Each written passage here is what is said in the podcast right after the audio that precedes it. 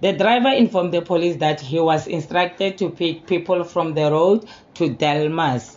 The DPCI was summoned and took over the investigation.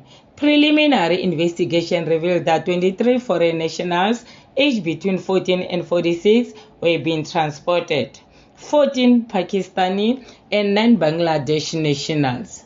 Among the group were two minors aged 14 and 17 years old.